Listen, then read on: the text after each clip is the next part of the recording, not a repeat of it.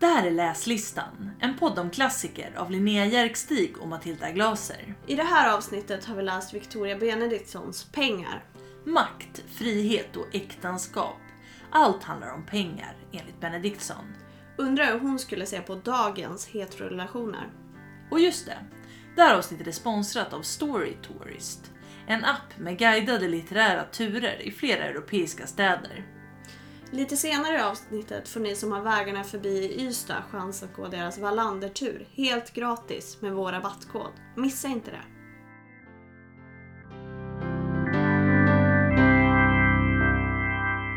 Hej Matilda! Hej Linnea. Hur är läget?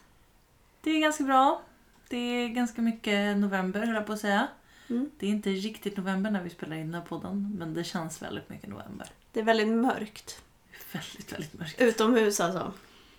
Ja, och det enda positiva med det är väl att jag eh, med gott samvete kan krypa ner i sängen väldigt tidigt och läsa böcker. Mm. Ja, för mig också, fast tvärtom. Jag kryper ner i sängen väldigt tidigt och somnar. Men jag kliver upp väldigt tidigt och läser på morgonen. Mm. Jag är en sån person som har svårt att hålla sig vaken på kvällarna. Mm, vi är lite olika där, men Ja. eh, läsning finns det tid för i november. Man kan alltid klämma in det någonstans. Precis. Eh, vad har vi läst den här månaden? Vi har läst Pengar Pengar. av Victoria Benediktsson. Vill du berätta lite grann om vad det här är för bok? Det kan jag göra.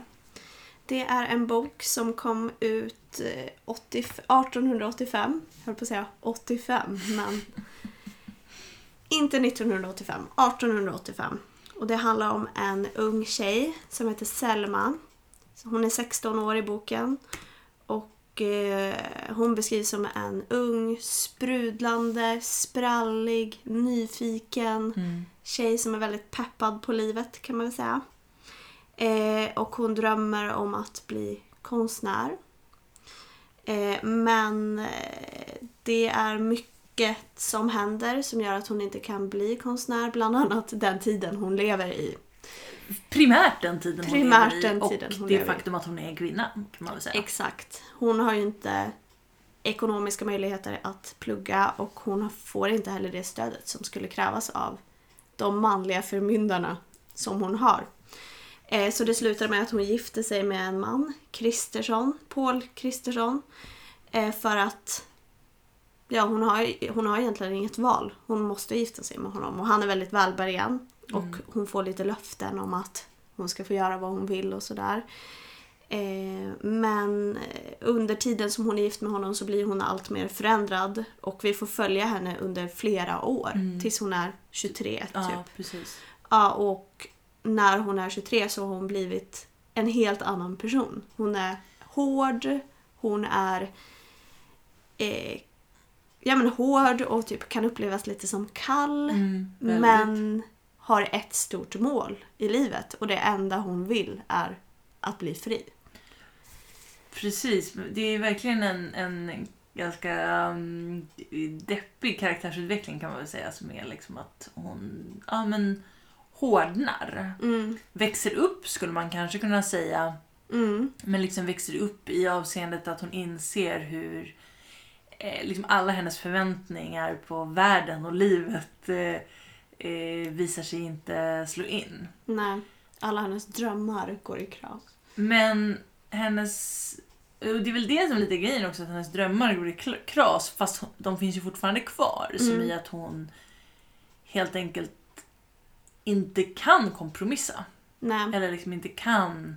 Hon kan tillfälligt anpassa sig till det samhället förväntar sig av henne. Men Mm. på lång sikt kan hon ju inte göra det.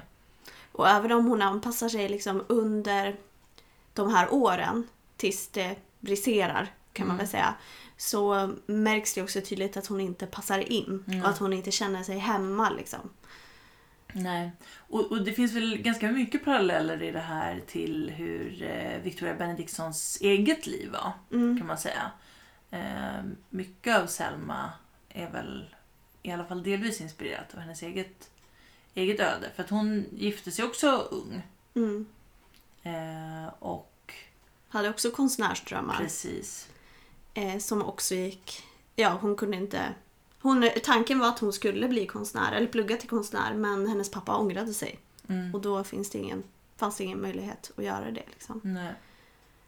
Utan då var det äktenskapet som var vägen för henne. Mm. Eh, och, men, och sen vet vi ju då att, hen, att författarskapet eh, dök upp för henne sen. Mm. Men Som det gjorde för många kvinnor Mm. under den här tiden.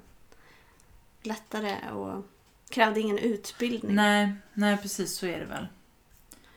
Men också att hon, skillnaden mellan hon och Selma är väl också att hon fick flera barn. Mm. Selma får ju inte det i boken.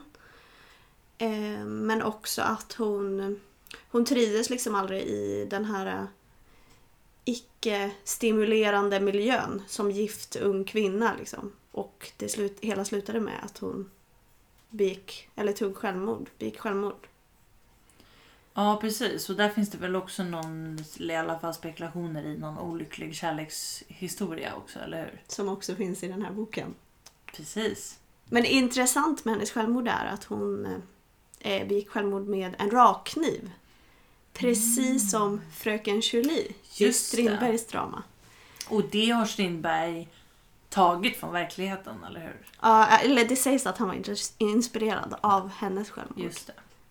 För att, och det kan man väl säga att Victoria Benediktsson och August Strindberg är ju samtida eh, och liksom, ja, kan väl sägas vara liksom Sveriges eh, största författare från den tiden. Mm. Liksom. Eh, och de ingick ju också i den här... eh, Eller man pratar ju om 80-talet. Romaner från 80-talet, alltså 1880.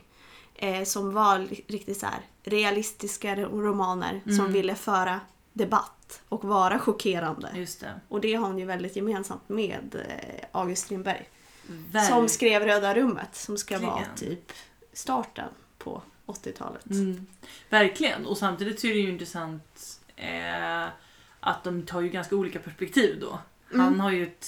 Eh, och jag är verkligen ingen Strindberg-kännare men av det jag har läst så han intar ju ett ganska manligt perspektiv kan man väl säga. Och helt naturligt kanske för att han är en man av sin tid medan hon som en ganska eh, framåt eh, liksom progressiv kvinna av sin tid Mm. tar ett ganska annorlunda och ganska tydligt politiskt ställningstagande i den här boken till exempel Mm. gentemot äktenskapet och kvinnans självbestämmande och så Mm. vidare.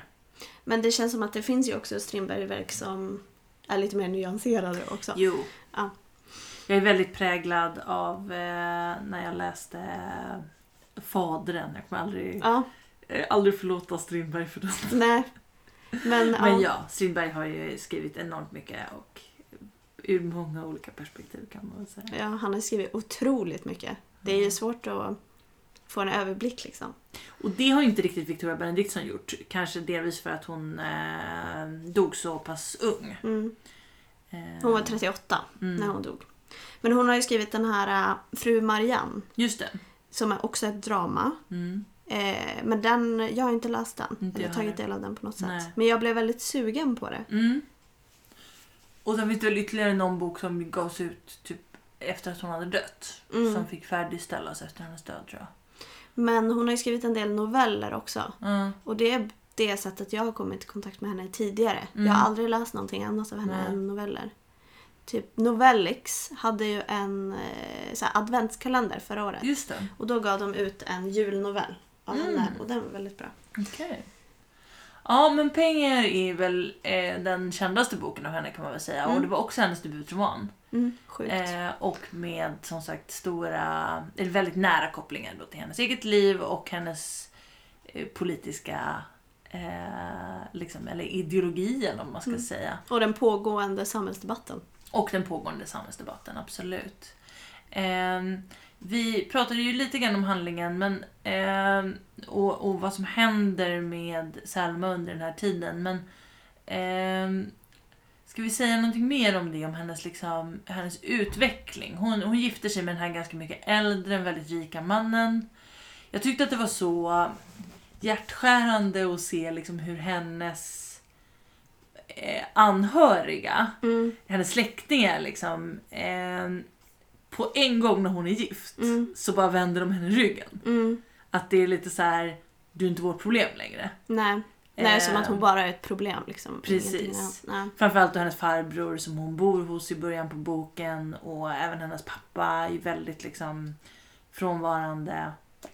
Och just det där att liksom en kvinna bara är någon som man försörjer och sen så ska man försöka få någon annan att försörja Mm. eh, henne och när man har lyckats med det då är liksom då är det lite så här: my work here is done. Typ. Mm. Och det är ett sånt jävla det är ett sånt svek också man tänker att hon är liksom en 16-årig Hon är ju ett barn. flicka Ja. precis som liksom bara förlorar all sin Trygghet. trygghet och eh, eh, hamnar i det här eh, liksom helt nya och helt främmande. Mm. Ja, men jag tycker det är intressant också om man tänker på hur hon övertalades eller övertygades Mm. till att tacka ja till det här äktenskapet.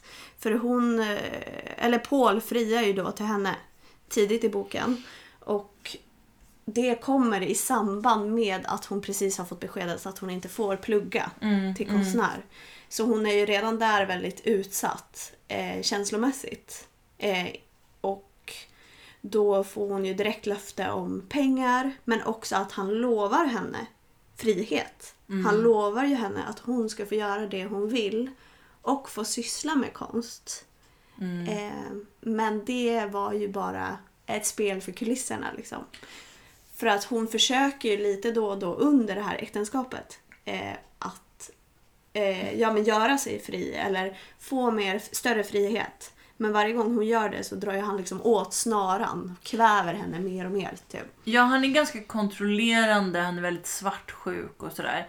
Samtidigt så tänker jag att jag tänker att han kanske tror att han ger henne den där friheten Mm. också. Alltså för att han, han känns, han är en väldigt, väldigt speciell person den här Paul. Han liksom blir besatt av Selma på något lite obehagligt sätt. Ja, lite Eh, pedofilaktigt sätt. Typ. Att bli besatt, så besatt av en 16-åring och han är ju rätt mycket äldre. Det är ju skumt men men, eh, men, liksom, han, men, men jag tror ändå att han, jag tror att han tror att Mm. han... För det verkar ju som att han låter ju henne, liksom inom hemmets Mm. väggar låter ju han henne göra lite vad hon vill och det verkar inte finnas några förväntningar eh, på liksom så mycket liksom fysisk närhet eller liksom det där. där Men också att hon får fortsätta med sina intressen. Typ Precis. rida som hon gör. hon får sin häst, ja. Ja. Och, och, så jag, jag tänker liksom att han kanske tror att han uppfyller sitt Mm. löfte mot henne. Ja, kanske. Bara det att äktenskapet som konstruktion liksom på 1880-talet är så begränsande så Mm. att hon inom ramarna för vad som är så här okej beteende för en gift kvinna så kan hon inte vara fri. Nej, men också att han liksom... Eh, han förstår ju inte vad, vad hon kan vilja ha Nej. för annat. För att hon får ju alla pengar av honom. Mm, hon får ju liksom allt hon behöver. Utom just den här friheten och det intellektuella liksom. Och Ja. han förstår ju inte att hon har ett behov av det. Nej. För det har ju inte kvinnor såklart. Eh, men jag tycker också att det är intressant att han typ tillåter henne att fortsätta rida och ändå leva typ ett ganska eh, naturligt vilt liv och inte vara den typiska kvinnan. På något sätt så får hon ju ändå upplopp Mm. för sin personlighet. Även om den... Hon får ju Precis. ha liksom ett eget rum där hon Ja. har all litteratur och hon fortsätter studera hemma liksom. Ja. Ehm, Så han låter ju ändå henne eh, ha lite annorlunda liv än många andra gifta kvinnor som vi ser i boken. Mm, verkligen. Och jag tycker också att det är intressant, kanske kopplat till det, att hon beskrivs som ful. Mm. Tänk på det. Vad, vad, vad, vad gör du, liksom, vad, hur tolkar du det? Att, Jag tolkar det som att hon beskrivs som naturlig Ja. och en naturlig kvinna Mm. är en ful kvinna. mm. Eh, jag vet inte, vad tänker du? Nej men det, ja, det var lite det jag var inne på. Liksom, att jag tänker, dels så är det intressant, jag menar människor kan ju skildras som fula i litteratur utan att man behöver lägga så mycket värdering i det. Men i det här fallet så känns det som att det är ganska tydligt. Rickard, som ju vi kanske kommer komma in på som karaktär, han beskrivs ju också som ful vid Mm. ett tillfälle. Men ja, jag tänker nog också att precis att hon är ju inte en... en eh, ja, precis, hon, hon, hon uppfyller ju inte kvinnoidealet liksom.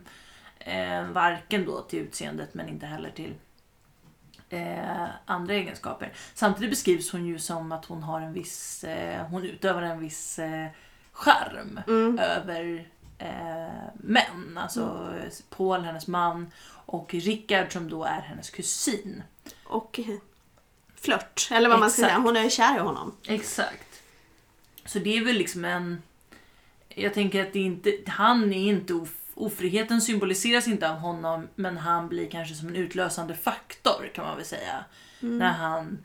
Eh, för deras relation liksom, när de återigen efter att ha haft lite så här barndoms eh, flört och kanske den ena har varit lite förälskad i den andra men inte sagt någonting så öppnar de eh, då i 20-årsåldern lite så här dammluckorna för sina Mm. känslor till varandra. Och då går de liksom inte riktigt att stänga igen. Och det Nej. sätter igång liksom en rad händelser eh, som för den här handlingen framåt kan man säga.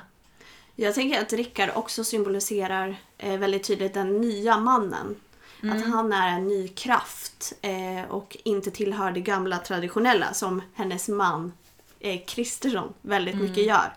Han är ju den, han uppmanar ju, eller uppmuntrar ju henne till det konstnärliga hela tiden. Han Mm. stöttar henne i det.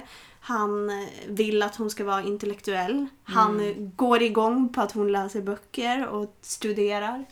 Precis, och klagar på sin egen fru för att hon är lite så här osjälvständig Exakt. och needy liksom. Och han vill ju att hon ska vara egentligen som Selma. Mm. Men hon är ju den här klassiska frun. Den duktiga som bryr sig också väldigt mycket om sitt utseende. Mm. Och, eh, så deras förhållande är ju inte heller så jättebra för de vill ju två helt olika saker och kan ju inte riktigt vara nöjda med varandra. Men jag tycker det är intressant också för att när hon vill välja honom, eller det är ju något tillfälle som Ja. hon får chansen att liksom hooka med honom, som man säger på 2000-talet eh, så kan hon ju inte heller göra det. Dels av, ja, men jag antar att det är dels av heder liksom. Mm. Eh, men också skriver hon någonstans om att han då skulle försvinna. Mm, Vilket jag tycker är lite det. intressant. Att hon, att hon känner att hon måste spela lite svår nästan. För att behålla den. Vilket man verkligen inte har den uppfattningen som läsare. Så känns Nej. det ju som att de är eh, det, det genuina paret. Ja exakt och att han är ganska transparent med sina känslor gentemot eh, mot henne. Men att det snarare är hon som håller tillbaka lite Mm. grann. Men samtidigt som sagt den här kärleksrelationen, eller så tolkar jag det i alla fall, är ju bara en, ett symptom Mm. på liksom den större sjukdomen som är hennes ofrihet Mm. som människa. Liksom. Men det är väl därför också som hon gillar Rickard så mycket. Mm. För att av honom blir hon sedd. Mm. och få utlopp för sin kreativitet och sin intellektualitet och, Men- och de kan liksom ha en konversation. Ja. Och det kan hon ju inte ha med Paul. Men och kanske vet hon det. Nu bara testar jag en Mm. teori. Kanske vet hon att om de skulle inleda liksom en riktig romantisk relation då skulle den leda till ofrihet för henne. Mm, det tror jag också. Att det bara är det här, att det är därför hon håller honom på liksom en armlängds Mm. avstånd ändå. Att hon vet att liksom, nog för att han, liksom, när vi har den här relationen, då har vi, nu har vi en jämställd relation. Mm. Som någon sorts liksom, Ja, men du är inte min och- förmyndare. Nej exakt, precis. Så rent formellt skulle det dels vara så men också liksom att det finns den balansen, maktbalansen i eh, en relation mellan en man och en kvinna. Och den maktbalansen upprätthålls väl liksom av eh, juri- juridiskt på den här Mm. tiden. Den upprätthålls såklart genom normer, precis som den kan göra idag. Men den upprätthålls ju också i jättehög utsträckning genom pengar. Ja. Och det är ju lite så här, ja det är ju kärnan i den här boken kan man ju säga. Eh, maktrelationer som är Mm. bundna till pengar. Mm. Frihet, pengar. Alltså det är så tydliga teman. Mm. För allt, de pratar ju väldigt mycket om pengar också i romanen. Mm. Eh, inte minst farbrorn. Som, ja, men som är väldigt mån om att Selma ska gifta sig med den här gamla mannen för att få ett välbärgat liv och bli lycklig. Men också för att han ska slippa henne. Liksom. Mm. Ja. Precis. Och hon får pengar när hon gifter sig. Och hon får, vad är det, hon, i början av romanen får hon också 100 kronor av sin farbror. Eh, som lite plåster på såren, att hon inte Ja. får plugga. Ja, precis. Eller liksom på något sätt för att han ska visa att så här, du får inte åka till Stockholm och plugga men du får inte tro att det är för att jag är snål. Typ, som, Nej. jag, som jag inte låter dig göra det. Så ungefär. här får du 100 kronor Ja. och så ler han lite hånfullt. Ja. Och hon får sån ångest när hon tar emot de pengarna för att hon känner sig köpt. Ja, Det är en ganska stark scen tycker jag. ja, verkligen. Just det att hon känner sig liksom nästan smutsig. Liksom. Och att han sen typ lugnar henne och klappar henne på huvudet lite grann. Mm. Det är väldigt... Eh, där etableras ju verkligen den här liksom maktbalansen som pengarna innebär. Och det är ju, vad heter det, vad heter det genomsy- eller så här, återkommer ju i hela romanen. Mm. För att hon är ju inte intresserad av pengar. Nej. Det är väl det som hon är minst intresserad av egentligen. Nej precis, hon går väl in i äktenskapet. Hon går med på äktenskapet genom att typ intala sig själv för en kort stund att pengar eh, kan lösa hennes problem. Typ, Mm. Eller liksom göra henne lycklig genom vad de kan möjliggöra. Men sen moralen, om det finns en sån, Mm. är väl att det kan de inte. Men också så här, vad är alternativet? Om hon inte skulle gifta sig med honom, vad skulle hon ha gjort då? Nej precis. Det, det är en sån här lite dubbelhet som säkert kännetecknar mycket den här tiden och liksom kvinnans roll. att Hon får ju frågan Mm. av sin farbror. Mm. Hon får ju veta av sin farbror Men hon att... får inte alternativet. Nej, och då säger hon ju nej först. Ja. Här, nej men gud, jag vill absolut inte gifta mig med den där gamla gubben. Jag är bara 16 år liksom. Mm. Och då så säger väl farbrorn i princip så här. Ja, Jaha, vad tror du att du har ett val? Ja. Liksom, eller så här, Och han börjar ju direkt också ta in resten av släkten. Typ. Men din pappa vill det, Mm, alla mm. förväntar sig det av dig. Du, Men- ja. det är ju en form av tvång. Ja. Som är så här, det är liksom inte fysiskt att någon drar henne till eh, Altaret. altaret men liksom hon får ju veta att det finns ju inga andra vägar liksom. Så då, då Det finns ju inte heller någon möjlighet för en kvinna eh, att få ett bra jobb. Nej. Alltså det är ju svårt för kvinnor. När vi, vi läste ju Nor- Norrtullsligan tidigare. Mm. Och där får man ju också väldigt målande bilder av hur svårt det är att klara sig Mm. som yrkesarbetande kvinna. Att man, man får leva i fattigdom. Liksom. Precis, och den, och den är ju ändå liksom ett antal år efter det här. Liksom. Mm. Det här är ju ännu mer låst situation. Mm. Ja. Men det, jag tycker det är intressant också att tänka på liksom vad pengar spelar för roll i våra relationer idag. Det vore ju intressant att liksom se Victoria Benedictsons take på våra nutida äktenskap och Mm. kärleksrelationer. Det känns som att hon skulle kunna ha skarpa analyser. Mm. Eh, Och att det skulle kunna bli väldigt intressanta eh, romaner. För att den maktdynamiken, även om den ju liksom delvis har förändrat eller i alla fall förutsättningarna att eh, bryta upp just pengadynamiken kopplat till kön Mm. så, så finns den väl kvar där liksom om man ser till ehm, kvinnor som Ja, men dels vad kvinnor jobbar med, vad kvinnor tjänar, eh, Mm. hur mycket kvinnor är föräldralediga eller vabbar barnen och eh. Och inte bara, eh, och inte bara sådana praktiska saker utan också så här eh, vilket emotionellt ansvar kvinnor tar och vilken utsträckning kvinnor är projektledare och gör allt obetalt Ja. arbete. Liksom. Precis, allt obetalt arbete i hemmet. Ja, men det, så att det, det finns väl, liksom, maktdynamiken finns ju kvar även om den ju delvis har förändrats. Liksom. Mm. Men det jag tycker är uppfriskande med den här boken och eh, som man sällan, jag tycker sällan att man ser det idag. Men det är en så här, sån uttalad samhällskritik. Mm, mm. Att hon skriver ju sina ståndpunkter väldigt tydligt. Det är Mm, liksom ja. inte mellan raderna. Eh, och en sak som hon kritiserar är ju det här eh, med- förmyndarskapet. Typ att en kvinna blir myndig först vid 25 Mm. men får gifta sig vid 16. Ja. Eh, men att män blir myndiga vid 21 och inte får gifta sig förrän 21 heller. Nej. Och att hon är väldigt kritisk mot att, eh, jag menar att det är barnäktenskap. Exakt, och det där eh, konfronterar ju hon Paul med, alltså sin egen man. Mm. Många år senare. Liksom. Han har gift sig med henne som 16-åring. Och sen som 23-åring börjar hon plötsligt ställa honom mot väggen med det där. Och då blir ju liksom, han blir väl... Jag tänker att Victoria Benedictsson argumenter, använder liksom eh, Selma och Paul för att liksom lägga fram sitt eget case där Mm. på något vis. Liksom. Och, och det är så otroligt bra. Det är så bra argumenterat. Liksom. Just Mm. det här med eh, ja men dels det orimliga Mm. i, i det och att han lite börjar säga nej men det är ju för att skydda kvinnor. Alltså han liksom har någon sorts sån argument som också är så men det är för eran skull eh, som det här och det här typ. Men och det är väl i samband med det också som hon säger, eh, jag ska läsa ett citat tänkte jag. Mm. Du som själv är fri och aldrig kan bli annat. Du har svårt att föreställa dig hur det känns för den som avstått all rätt över sitt eget jag och som ändå vet sig vara en verkligt levande människa. En tänkande, viljande varelse. Mm. Det är starkt. Och man blir ju klaustrofobisk Mm. av det där för att Det, det, går det, rakt in i du beskriver det ju så otroligt bra att så här, kvinnor eller vilken grupp det än är som har varit ofri. Liksom. En ofri grupp är ju precis är så medveten om sin egen ofrihet. Mm. Liksom. Ja. Men också att man är en levande varelse. Man Mm. är en person, man är likvärdig. Ja. Men man får liksom inte utlopp för att vara det.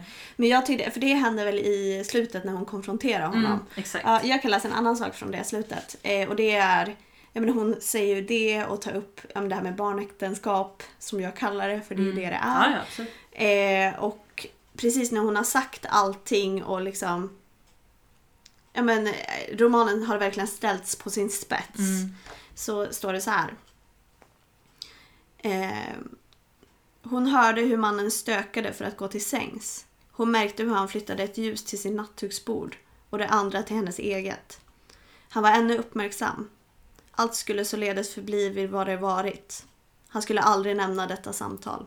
Och det skulle låtsas som att allt vore osagt. Mm. Och det är också så starkt att så här, han behöver inte ens lyssna på henne. Nej. Nu går vi och lägger oss, det är en ny dag imorgon, vi pratar aldrig om det här igen. Mm. Det är så brutalt. Och jag tyckte också att det kändes som en sån här scen ur ett, scen ur ett äktenskap. Nej, men alltså att, det, att det också känns som någonting som, som också skulle kunna... Som man kan relatera till Mm. också på något vis. Liksom. Att här, försöka prata med någon och märka att så här, det här Det går inte fram. Liksom. Eller prata med någon som verkar ta emot och sen så förändras ändå ingenting. Liksom. Nej, och Nej som, du säger, låtsas, det är nästan värre. och han tror ju där Mm. att det är så. För att i hans värld så har väl hon inget annat val Nej. än att fortsätta vara gift. Men i hans värld så är det där bara ett litet gnabb. Alltså hon bara, Precis. det kommer från ingenstans. Eller jag vet inte, ett mental breakdown. Och sen betyder det ingenting. Mm. Precis, men jag tänker också att han liksom, i relation till vad som sen händer överskattar ju också pengarnas makt. Mm. För att någonting har hänt med Selma och det händer i den där scenen. Mm. Som är att hon liksom slår sig fri från pengarnas makt över henne. Och det innebär att hon kan... Men också slå sig fri från hans makt. För det är väldigt, också i den scenen när de går och lägger sig. Så är det hon som blåser ut ljuset och Just inte det. han. Och då blir det mörkt. Och då det- visar det liksom på att hon bestämmer. Mm. Nu har hon makten. Mm. Så det blir ett väldigt tydligt skifte efter den konfrontationen. Nej men precis, hon tar ju makten och det, och det tänker jag också är för att hon väljer bort... Ja, men liksom där, hon, pengar slutar ju ha makt. Mm. Och, Och då kan hon välja bort han ha honom. makt. Ja, och då, eh, då kan hon... Kan hon då, då beslutar ju hon sig för att ja, lämna. Ja. Liksom, med en helt oklar egentligen bild av vad det är. Vi kan ju bara föreställa oss att hon kliver ut i någonting väldigt, väldigt osäkert. Ja. Men det som är intressant också med att när hon bestämmer sig för att lämna. Eh, man, det, det slutar liksom där Mm. med det valet. Men man får en liten bild av vad som kommer sen. Mm. Man kan ju göra sig sin egen bild. Men det slutar ju också med att hon ber Rickard om hjälp. Så även om hon lämnar så måste hon ändå ha en man Ja. som hjälper henne. Hon kan, det finns inget alternativ att klara sig själv. Precis, han måste hjälpa henne att ordna en eh, plats till henne. Mm. Eh, och, Och- precis, där finns det så lite olika sätt att kanske se på slutet också. Eller om man liksom föreställer sig vad som händer sen. Mm. Att så här, ja, i det här ögonblicket där boken slutar, då är hon ju fri. Men om vi då tänker så här, vad, vad händer i nästa, om man skulle liksom tänka eh, pengar två, Mm. vad den skulle handla om liksom. Då skulle det ju antingen finnas någonting som är så här, hon blir, blir ju självständig, hon lever sitt liv på sina egna villkor. Eller så finns det ju ett alternativ som är så här, eh, fem år senare så är hon i den där beroendeställningen till Rickard till Mm. exempel. Eller till Eller någon till någon annan. annan. Ja. Och så bara upprepar sig den historien Mm. gång på gång. Och det kanske är det mest realistiska scenariot i den här tiden. Jag det känns inte, som men- att om hon skulle klara sig själv som kvinna så skulle hon ju behöva hjälp av många andra kvinnor. Ja. Alltså, som i sin tur har hjälp av en man. Ja, alltså så här, man kan inte komma undan männen. Nej, nej, precis. Så är det väl.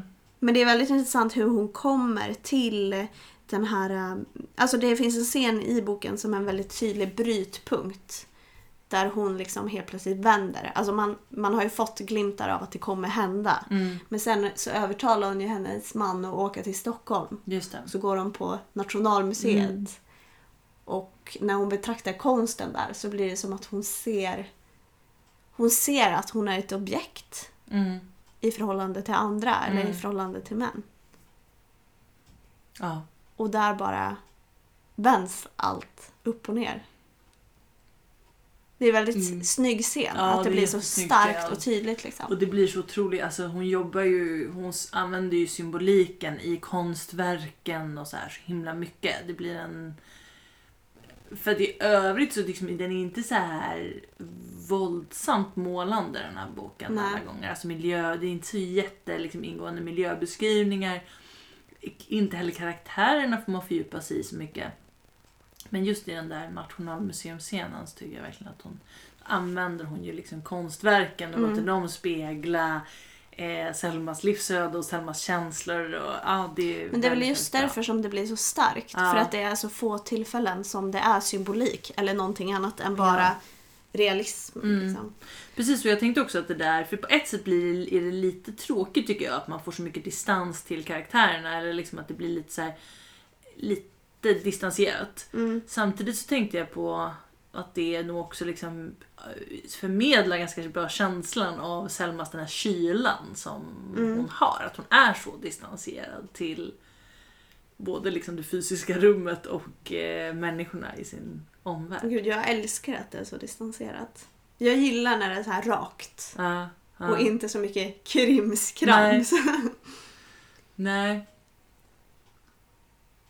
Men det är bara så här en smaksak. ja verkligen. Eh, ja.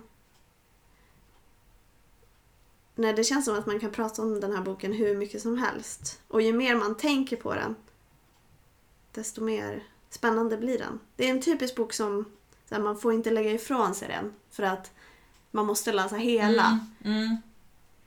Verkligen, den är liksom... Ja, den är både väldigt lättillgänglig och lite svårtillgänglig på något vis. Jag tyckte den var lite svår att komma in Ja. i. Men sen när man väl hade gjort det så var den jättespännande. Ja, verkligen. Men det hände inte så mycket i början heller. Och... Nej. Nej, precis. Det är ju liksom, om man får följa henne där från 16 och sen är det ju typ då när hon är 23 som det verkligen börjar ja, bli dramatik på riktigt. Mm. Ja, det är ju först slutet egentligen Mm. som det blir katastrof. Mm. Jag är så nöjd över min bok. Det är så otroligt fint omslag.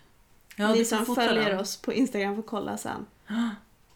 Det känns som att den är väldigt gammal.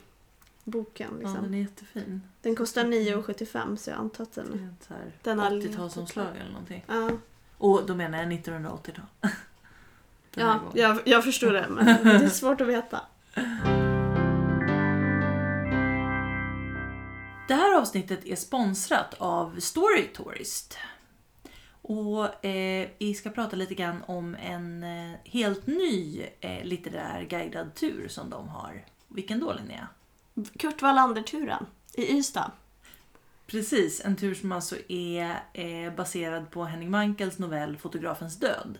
Exakt. om just Kurt Wallander. Vi kan lyssna lite grann på hur det låter när man eh, inleder den här turen. 1988 var Wallander redan en väletablerad kommissarie här i Ystad. En kulen vårmorgon satt han här på Fridolfs konditori och åt frukost när hans unge kollega Martinsson sökte upp honom. Visste du att Landberg är död? Fotografen? frågade Wallander. Ja, han hittades i sin fotoateljé nu på morgonen. Wallander försökte ur sitt minne frammana en bild av ett obestämt ansikte, men lyckades inte riktigt. Då går vi igenom vad vi vet. Sätt dig ner och ta en kopp kaffe. Du ser ut att behöva det, sa Wallander. Men som ni kanske hörde i turen, eller i den, det här lilla ljudklippet som vi lyssnade på nyss, så, eh, så får man följa en polisrekryt som eh, tar sig an ett av Wallanders gamla fall. Eh, där han ska lösa mordet på fotografen Simon Lamberg. Så då får man höra och följa med i liksom den mordutredningen, man får samla bevis, man får leta spår samtidigt som man promenerar runt i Ystad och tar del av viktiga platser i Ystad och viktiga platser för just Kurt Wallander. Precis, Kurt Wallander, eller Wallander-nördar känner väl igen vissa av de här ställena. Till exempel Fridolfs konditori som han ofta hänger på. Eh, och eh, ett eh, utanför huset där Henning Mankel själv har sagt att han såg framför sig att Wallander bodde till exempel. Så att eh, mycket sådana stopp samtidigt som man som sagt får gå runt eh, och eh, uppleva Ystad. Mm. Har, har, du någon, har du varit i Ystad? Ja, för länge sedan när jag var liten. Eh, men om jag skulle åka till Ystad nu så skulle jag lätt gå den här turen för att få, alltså få en liten bild av hur, hur stan är. Hur Ja, det ser ut där. Precis, för som vi pratade om när vi gick Dr. Glas-turen, även om det var i våran hemstad Stockholm, så var det verkligen kul att få liksom ett, ett nytt sätt att få uppleva staden. Mm. Och jag kan tänka mig att det ännu mer är det när det är en stad som man inte kanske är så bekant i sen innan. Nej, har du varit i Ystad? Ja, fast också för jättelänge sedan. Ja. Ehm, ja, eh, ja, jag har varit i Ystad, det är en jättefin stad. ja. Eh, så jag skulle gärna åka dit igen. Visste du förresten att eh, Patti Smith är ett jättestort Wallander-fan? Nej, det hade jag ingen aning om. Visst är det ganska coolt? Ja. Hon och Henning Mankel var kompisar och hon älskade eh, Wallander. Gud vad spännande. Ja? Ja, för jag har verkligen typ ingen relation till Wallander. Tyvärr. Alltså min relation är typ så här att mamma och pappa tittade på det på Mm. TV när jag bodde hemma liksom. Eh, men jag skulle verkligen också kunna gå den för att få en introduktion typ Mm. till Wallander. För att man känner sig lite off när man inte, när man vet så lite liksom. ja men verkligen, det är ju verkligen en av Sveriges största eh, deckarserier och som ju också är helt enormt stor eh, internationellt. Mm. Eh, Så att det är lite, jag, jag ska säga att jag inte heller har, har läst några Wallander-böcker utan bara sett eh, serierna, eller serien. Men eh, det, det, är ju en, det är ju ett hål i, allmänbildnings, eh, i allmänbildningen. Absolut. Verkligen. Nu får vi skämmas.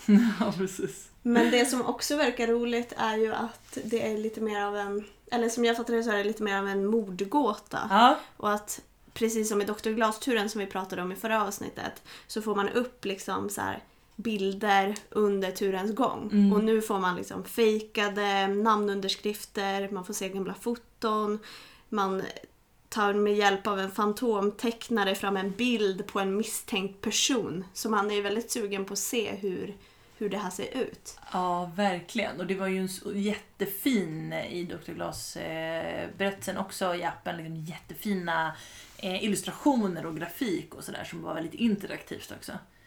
Ehm, Så att eh, det, det kan man se fram emot. Mm. Men som sagt, om man är på plats i Ystad Mm. så går det att eh, gå den här eh, turen och då kan våra lyssnare också få göra det helt gratis. Vanligtvis kostar det 60 kronor per person och få tillgång till den.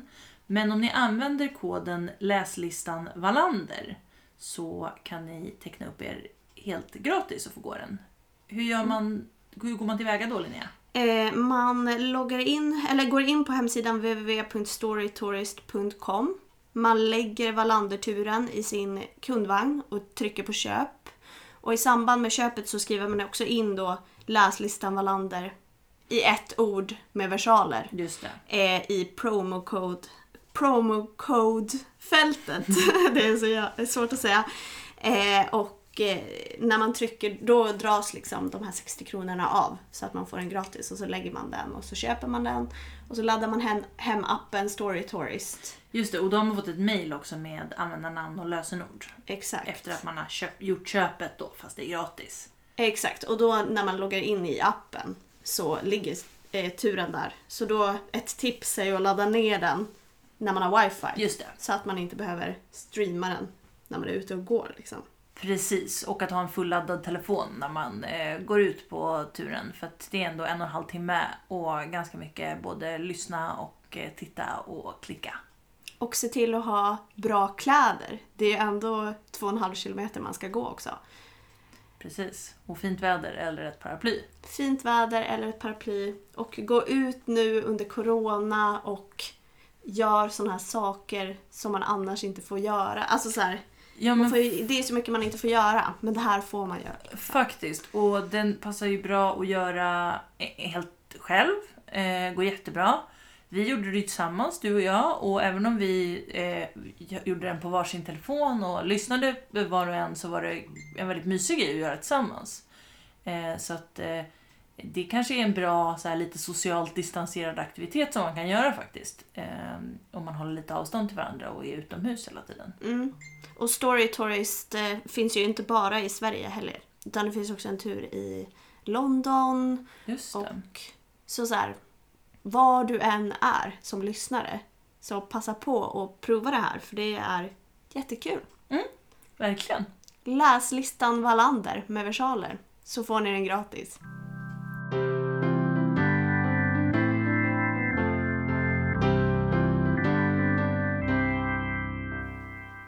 Vad har du läst för annat Matilda?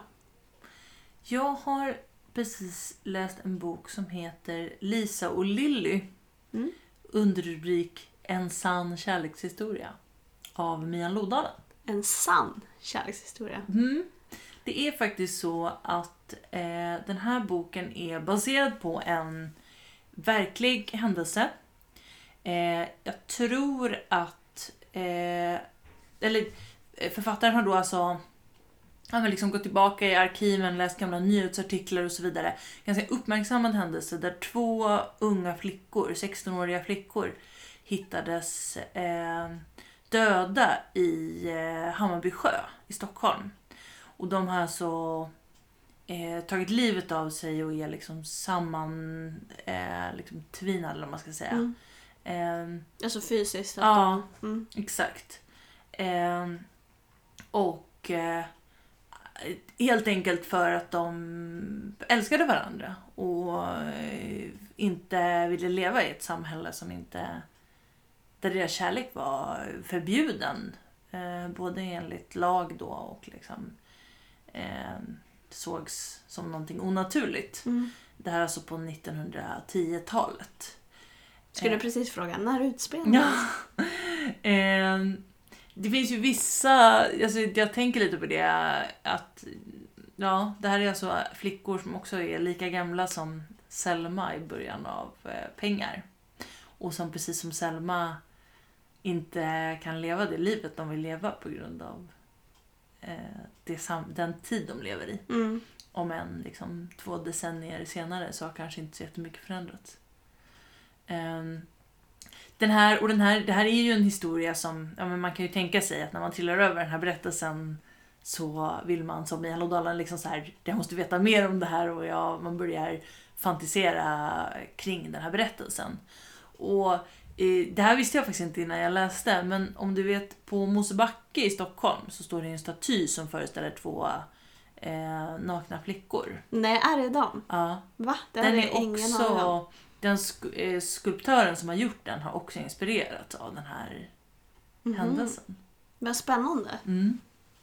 Så att, ja, det är väl en sån liksom Känns fel att säga kittlande historia för det är en väldigt, väldigt tragisk historia men liksom som, ja men som sagt väcker tankar och säger väldigt mycket om sin tid liksom. Mm.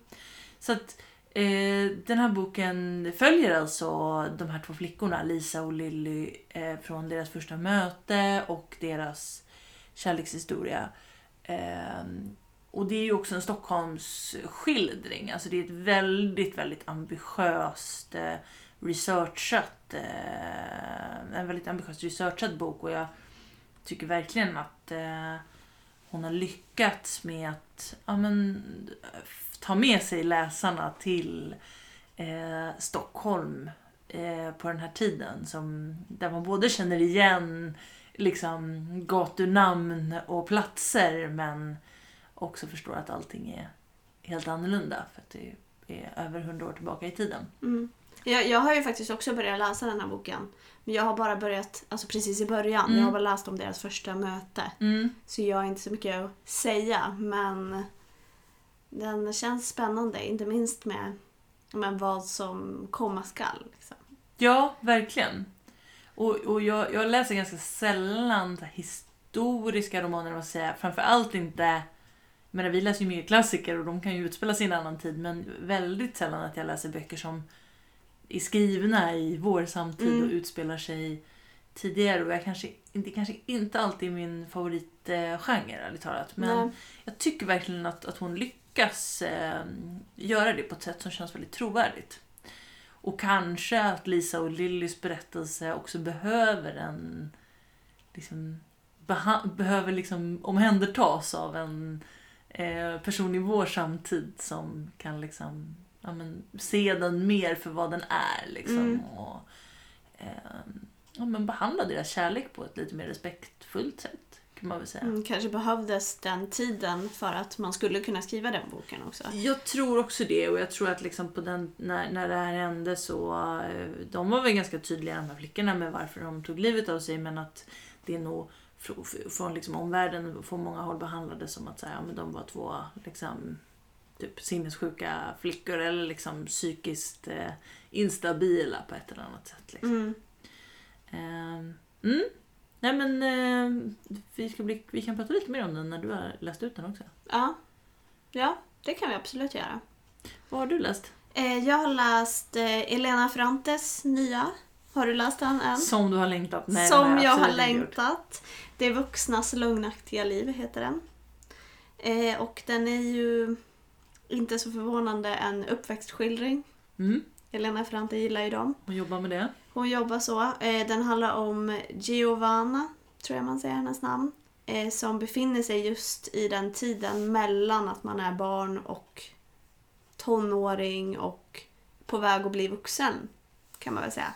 Jag tror att den börjar när hon är 13 och sen utspelar sig den sig under flera år. Eh, men den börjar egentligen med att hon överhör ett samtal mellan, mellan hennes föräldrar. Där hon får höra att hon liknar sin faster. Eh, vilket hon själv, i hennes egna öron så säger hennes pappa att hon är ful. Okej. Eh, och det här gör att hon helt och hållet tappar fotfästet. Hon vet inte vem hon är, hon vet inte vem hon håller på att bli. Eh, och hon vet inte vilken, vilken förebild hon behöver för att ta reda på det heller. Och det gör att hon söker sig till sin faster för att ta reda på vem hon är. Mm. Victoria heter hon. Eh, och i samband med det så introduceras hon också för ett helt nytt Neapel. Mhm. Den utspelar sig också såklart i Mm, Neapel. mm, mm. För att hennes pappa är ju då en, ja men, som man brukar säga, klassresenär. Mm. Så hennes faste tillhör ju en annan lägre klass. Mm. Så då får hon se det smutsiga Neapel medan hon bara liksom har sett det fina, Mm. städade Neapel. Eh, men hon upptäcker ganska snabbt att egentligen passar hon inte in i någon av de världarna. Och ingen av de världarna kan ge henne svar på vem hon är. Så det finns mycket liksom igenkänning från hur man kände när man själv var ung. Mm. Och det gör ju Frante alltid så himla bra tycker jag. Att hon lyckas lyfta så här, de detaljerna som, som man kan känna igen sig så mycket i. Men exempelvis så här, hon fick höra att hon var ful. Och det kan hon inte släppa. Mm. Eller så här. Och alla, eller jag tror att många har såna grejer som man har fått höra när man har varit barn. Och som man fortfarande reagerar väldigt starkt på för att det liksom svider fortfarande. Mm, man kan ja. inte komma undan det. Känsliga punkter liksom. Känsliga punkter. Absolut. Eh, men förutom det så handlar den ju också mycket om klass. För att hon vill ju... Ja, men hon är ju nyfiken på det hon kommer ifrån. Eller hennes pappa kommer Mm. ifrån. Eh, så det är ganska intressant perspektiv att följa så här, en andra generationens klassresenär. Ja. Det får man ju typ aldrig göra. Eller jag kan inte påminnas att jag har gjort det någon gång. Nej, det, det är ett, ja, väldigt intressant. Ja, för det väcker ju också mycket så här spår, eller så här sår inom henne. Mm. Liksom. Eh, men också att hon hela tiden lever med hennes pappas skräck. Att han är ju livrädd för att falla tillbaka. Han vill ju inte förknippas med det där och som det känns som att det är ganska vanligt att det kan vara. Men också tycker jag att det är en väldigt stark så här, uppväxtskildring om en kvinna. Om så här, hitta sig själv, man vet inte vad man hör hemma. Den handlar också mycket om kvinnokroppen, att den förändras. Och att hon blir utsatt eh, för andra mäns blickar. Mm. Och det har hon ju inte blivit förut. Alltså så här, det är mycket, många dimensioner som gör det så spännande. Eh, och igenkännlig. Mm. Eh, men tyvärr det som eh, Ferrante, som jag älskar med henne, som hon gör bäst. Det är ju det hon har gjort i Neapelkvartetten. Att man liksom får suga sig in i en helt ny värld som sträcker sig över massa romaner och hundratals sidor. Och det hade jag väl önskat att den här, det här också gjorde. Att det blir lite... Det känns som att jag gillar henne bäst när hon svävar ut ordentligt. Okej, Även om jag mm. tycker att det är en jättebra roman. Så, så är det ju inte Neapelkvartetten. Nej, det kanske, det kanske är svårt att uh, inte bli besviken på en sån här uppföljare eller liksom när ribban är satt så högt. Ja, men man skulle, man skulle bara vilja ha mer ur Ja, den. Ja, jag av förstår. Elena och Lila. Som man för alltid kommer... Som alltid kommer ha en speciell plats i sitt hjärta. Mm. Men har du läst någon, Du har läst Neapelkvartetten Nej. också? Va? Nej. Har du inte? Nej, det jag har... vågar inte prata om det med dig för du blir så arg då. Nej, det är därför du typ spelar med. Nej, Jag bara lyssnar på Ja. dig. Och då tror jag att du har gjort det. Men det måste du göra. Ja, jag vet. Det blir sommarens projekt. Det kanske. får bli sommarens projekt kanske. Eller novembers projekt. Ja, vi får se. Ja. Mm. Ja, i och för sig, man behöver verkligen lite Neapel Mm. och lite strand och lite... Ganska bra att ha. Eller så bara längtar man så mycket till Italien som vi alltid gör nu för tiden så att man bara börjar gråta. Vi hamnar alltid i Italien i den här podden. Ja. Stark känsla för Medelhavet överlag. Ja. Och den blir bara stark. Alltså så här, just nu när man verkligen inte får resa heller så är suget så otroligt starkt. Medelhavet har aldrig känts så avlägset och därmed heller aldrig så Lockande. glittrande. Nej, Ja. verkligen. Nej, men jag kan ändå rekommendera boken. Jag tycker att den är väl... Alltså den är väldigt värd att läsa. Mm. Eh, verkligen. Kul. Mm. Ska vi sätta punkt där då? Ja, nu får vi göra det. Tack snälla för att ni har lyssnat på ännu ett avsnitt. Mm, jättekul att ni fortsätter lyssna på oss. Glöm inte att följa oss på Instagram om ni inte gör det. Podden Laslistan heter vi där och där lägger vi upp eh, ja, många andra boktips också och eh, tankar kring böcker och tycker jättemycket om att prata med er där. Och, Det är jättekul att det är så många som kommenterar och verkligen. skriver vad ni tycker om böcker som ni och vi har läst och tipsar om böcker som vi borde läsa. Jätte, Superkul. jätteroligt. Eh, och eh, ge oss ett gärna betyg på den här podden. På podcaster, iTunes. Sätt en femma, annars kan ni låta det vara. Sätt betyg om ni sätter femma. Eh, och så hörs vi igen om en månad. Det gör vi. Ha det bra! Ha det bra. Hej då! Hejdå!